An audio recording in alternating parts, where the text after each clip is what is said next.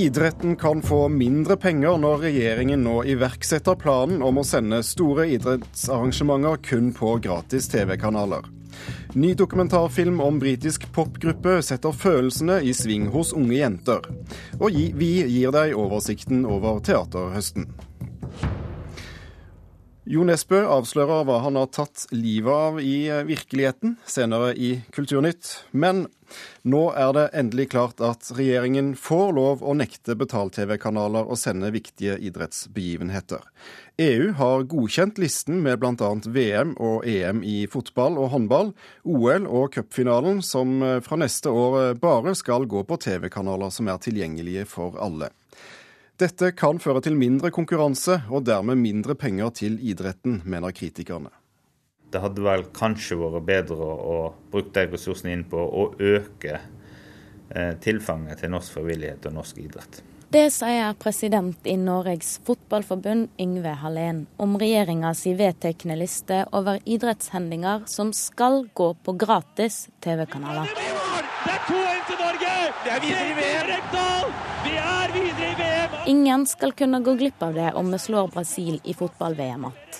Storhendingene i idretten kan selges til betalt-TV-kanaler, men da er de plikta til å selge rettene videre til en av kanalene som inngår i grunnpakkene til TV-leverandørene, dersom de vil kjøpe.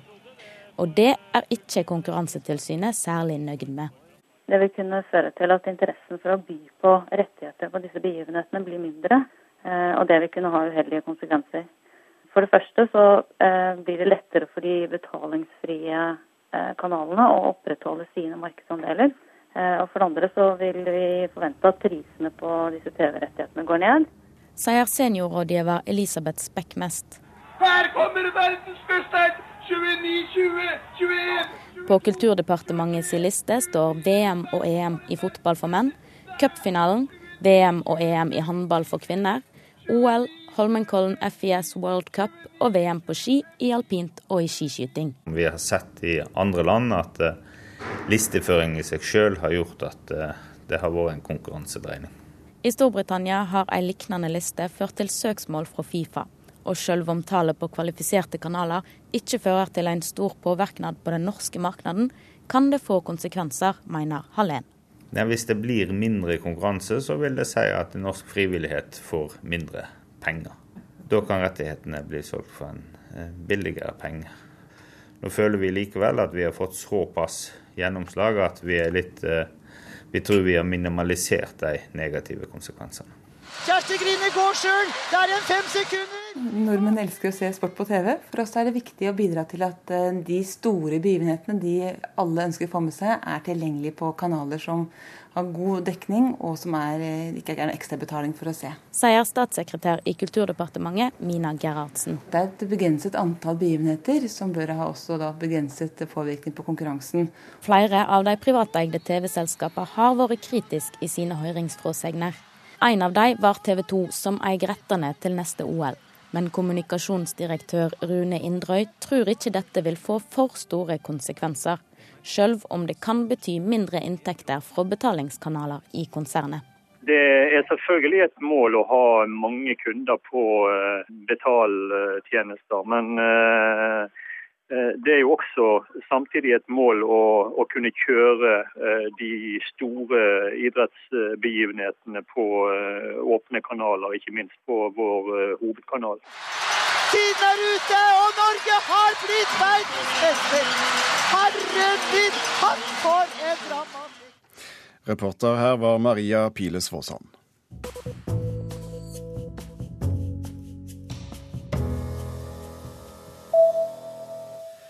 Omsetningen av e-bøker er firedoblet det siste året, men fortsatt står e-bøkene kun for 1,6% av markedet for skjønnlitterære og generelle utgivelser.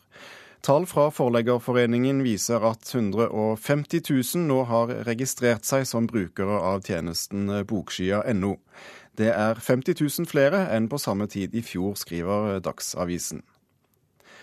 I protest mot de nye russiske lovene som forbyr såkalt homofil propaganda, har skuespiller Wentworth Miller, mest kjent fra hovedrollen i TV-serien Prison Break, stått frem som homofil. Dette i et brev der han takker nei til å delta på filmfestivalen i St. Petersburg. I brevet skriver han at han ikke ønsker å delta på en festival i et land der mennesker som ham selv ikke har elementære rettigheter.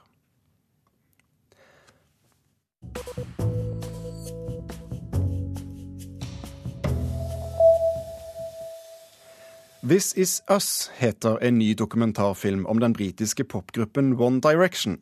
Ungpikeidolene har toppet hitlistene verden over. I filmen forteller de om livet som popstjerner, og hvordan det var å gå fra vanlige jobber til stjernestatus nesten over natten etter at de vant TV-programmet X-Faktor i Storbritannia.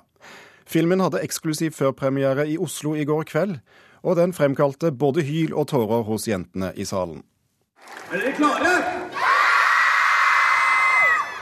De kunne ikke vært mer klare, de nesten 1000 unge jentene som var samlet på Colosseum kino i går kveld, da den nye dokumentaren om popgruppa One Direction hadde førpremiere.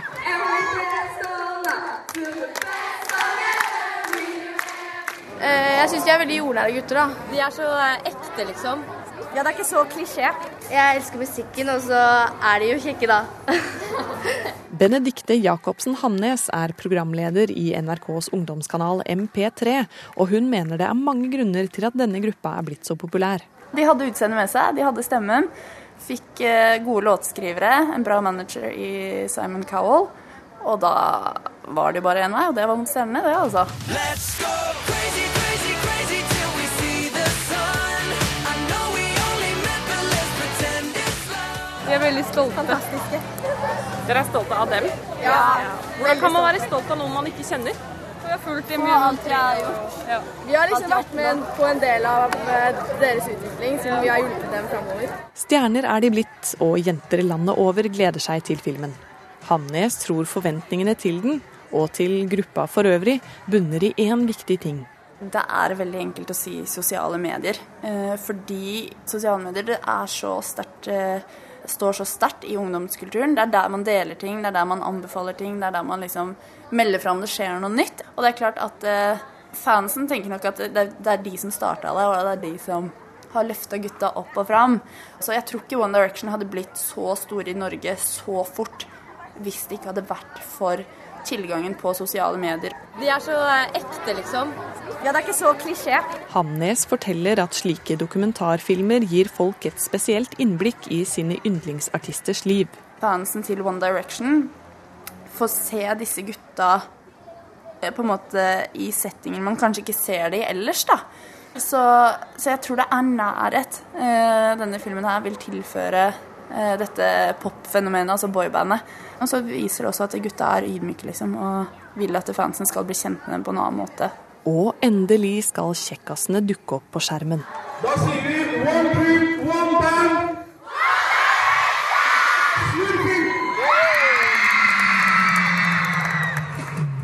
Jentene ble ikke skuffet. Veldig bra. Perfekt. Det var ja, helt fantastisk. Hvordan var filmen? Det var jævlig bra. Det kunne ikke vært bedre. Hvorfor gråter du? Jeg vet ikke. Filmen kommer på kino i begynnelsen av september. Reporter i dette innslaget, som fortsatt har litt snev av øresus, var Synne Høgbråten Rustad. Du hører på Kulturnytt i Nyhetsmorgen på P2 og Alltid nyheter. Dette er nyhetsoverskriftene akkurat nå. Fremskrittspartiet får ingen støtte for innvandrerregnskapet sitt. Det er tidenes drøyeste angrep på menneskers rettigheter, sier SVs Heikki Holmås. FNs sikkerhetsråd vil ha klarhet i hva som skjedde i Syria i går, før de foretar seg noe mer. De syriske opprørerne anklager regjeringsstyrkene for å ha gasset i hjel opptil 1300 mennesker. Og Bli med oss videre i Kulturnytt og hør at Michael Douglas er akkurat passe morsom og akkurat passe seriøs i rollen som entertaineren Liberace, mener vår filmanmelder. Og nå skal dere få se det kanskje mest horribelt tarvelige synet av de alle. den syltermann og den gråtende kona sammen! By! Fornedringers labyrelf! Dette er en smakebit fra kabaretmusikalen Shockheaded Peter, som har premiere på Det Norske Teatret i neste uke.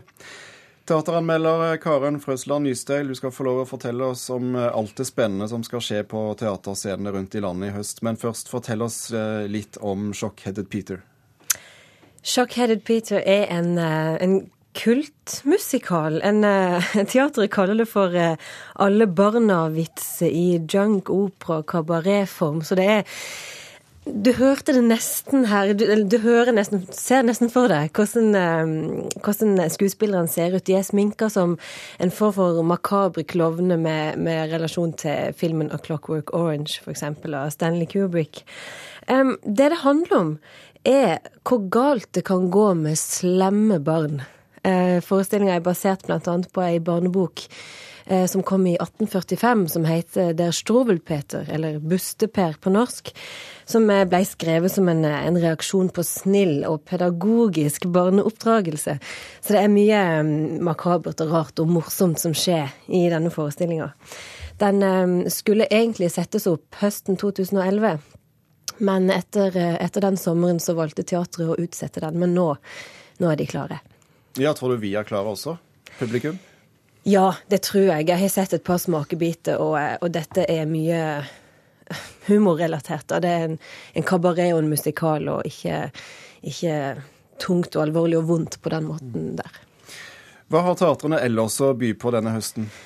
Først og fremst så har jeg lyst til å snakke litt om at de, eh, de løfter fram nye, nye, litterære skikkelser i barneteateroppsetningene denne høsten. Det syns jeg er interessant og fint. Jakob og Neikop skal spille på scene i Nord-Trøndelag. Tonje Glimmerdal eh, spiller i Oslo, og det samme gjør Doktor Proktor. Han skal jo reise landet rundt med prompepulveret sitt og Riksteatret. Og så settes Til fyret, To the Lighthouse av Virginia Woolf, opp som en barneteaterforestilling, bl.a. på Black Box Teater i Oslo. Og det er ambisiøst og flott, og en, en fortsettelse av dette klassikere for kids-prosjektet, som bl.a. var Hedda-nominert eh, denne våren. Anne Frank skal opp i Bergen, og Nøtteknekkeren spiller som teater. Så det, det er mye mye nytt på barneteaterfronten, eller mange nye litterære skikkelser. Ikke så mye nyskrevet barneteater, kanskje. Men, eh, men lite tradisjonelle juleforestillinger egentlig, faktisk, i år. Får vi se noen spenstige saker på scenen denne høsten? Ja, vi får jo se Shockheaded Peter, som vi allerede har snakket om. Og vi får mm. faktisk også se A Clockwork Orange på Nordland Teater. Um, så skal Det Norske Teatret sette opp eh, et stykke som heter Mein Kampf, der eh, Frank Kjosås skal spille Hitler.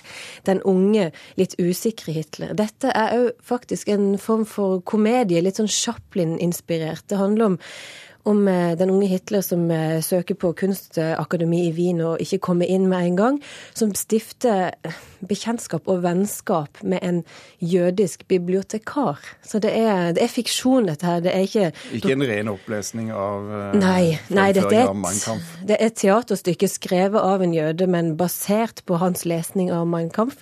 Men det er, også, det er absolutt ikke dokumentarisk, selv om den har noen sånne elementer òg, da. Og dermed uteblir kanskje også kontroversene?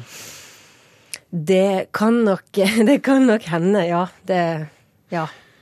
Hva gleder du deg selv mest til, eventuelt uh, gruer deg til å se på scenen? Jeg, jeg, er enormt glad over at uh, Blackbox Teater programmerer et stykke som heter Bios.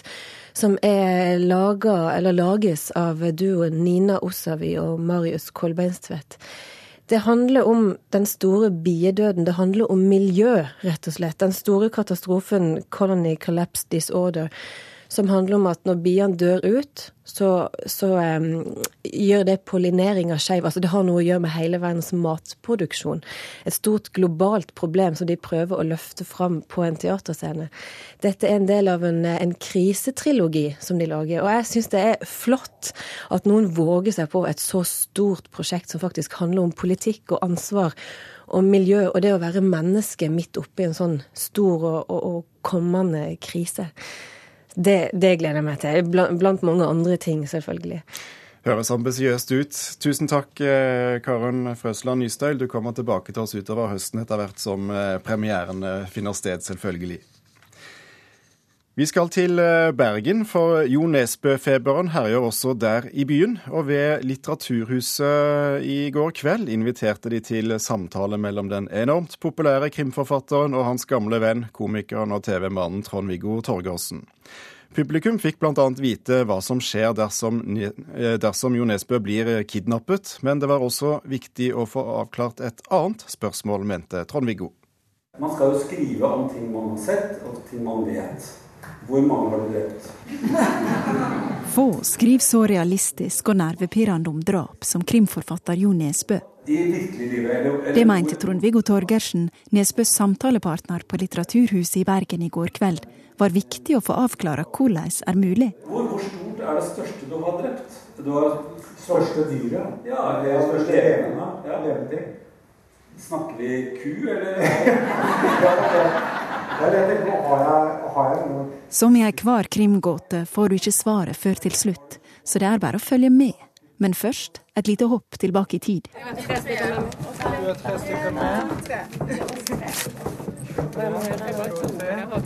Det var stor trengsel av lesere som mer enn gjerne ville stige inn i Jo Nesbøs vær av mørke drifter og bestialske handlinger, men som på et eller annet vis likevel føles som de kunne ha skjedd i ditt eget nabolag, mener Kari Størksen.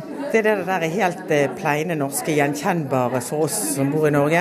Eh, figurene er faktisk ikke veldig oppdiktete. og ikke, altså Ja, det kunne vært naboen. Jeg tror det er det jeg faller for i forhold til det. Jeg ble hekta for første bok. Det er skikkelig medreven. Ja, for du har lest alt? Jeg har lest alt. Det begynte med bok én og har lest alt kronologisk. Nina Hovland Eide og mange med henne hadde venta på et besøk. Nesbø tok økonomiutdanninga si her, og bergenserne føler nok at Nesbø er litt deres også. Og velkommen til deg.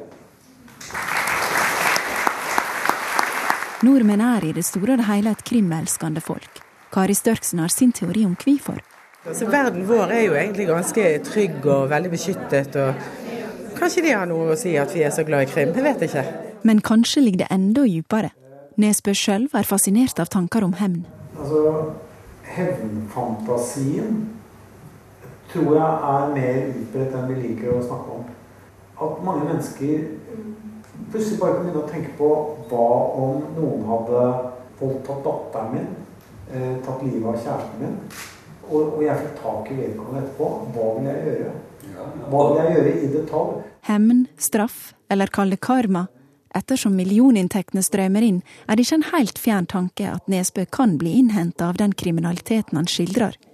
Tanken om hva som skal skje dersom han blir kidnappa, har han iallfall tenkt. De får ikke noe penger. Alle pengene går til, altså de, de, eh, Hvis de da skyter meg, så går alle pengene til stiftelsen. Men det skal ikke utbetales noen penger. Så jeg har på en måte bundet meg med masta. Som er, som er sånn jeg, jeg tjener det skal til stiftelsen uansett. Alt skal gå til Harry Hole-stiftinga og kampen mot analfabetisme, uansett hva som skjer. Du, du, altså, dette er jo fint å få sagt da, til de som har tenkt å kidnappe. Ja. Slik kan en muligvis ta livet av skumle ideer som måtte leve der ute i den virkelige verden. Apropos ta livet av. Er vi, snakker vi høne? Er det, skal vi helt ned på huggorm? Er det hvor langt ned skal vi før du har drept noe? Ja, jeg, jeg prøver nå også å svare deg blir helt ærlig på det her. Ja, ja. Det, er ikke, det, er jo ikke noe som Jeg har ikke drept noen som tydeligvis har gjort noe voldsomt inntrykk på nå. Så eh, jeg, tror vi, jeg tror vi må ned på eh, mus og rotter og Ja. ja. Å ja, var det bra? Ja, det er helt greit. eh, mus, rotte Er det?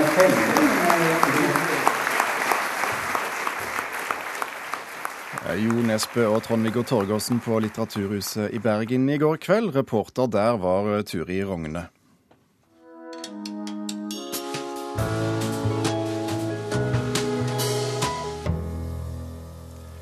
Det kommer en del filmer om eh, seksualitet gjennom høsten og vinteren.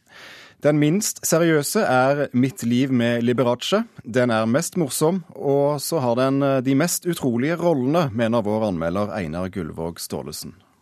Mitt liv med Liberace er årets store skuespillerfilm. Michael Douglas er mest imponerende.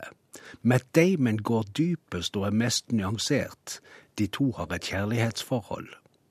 Birollene er små mesterverk. Ladies and gentlemen, Liberace. Det er altså en bit av historien til den store transseksuelle musikeren og underholderen Liberace. Biten handler om da en ung beundrer ble invitert til garderoben etter showet, og lot seg transportere i limousin ut i fristelse med den ekstravagante, smakløse galskap. Liberace kaller arkitekturen og dekoren i hjemmet sitt for slottskitsch. Det er et treffende uttrykk. Liberace selv er mer enn overdådig. Han er blitt styrtrik på sin store musikalitet og på disharmonien i alle andre forhold i livet. Han holder seg med bodyguard for selskapets skyld og for å vedlikeholde potensen. Den unge mannen som får hilse på i garderoben, får tilbud om den jobben og livsstilen. I have a great idea. Why don't you come work for me? Han har ikke mye annet fornuftig for i livet sitt. Med sin biseksuelle legning kan dette være noe for denne unge, som er familieløs og fremdeles søker ly hos fosterforeldre. Så blir det altså Michael Douglas og Matt Damon. Michael Douglas er Liberace.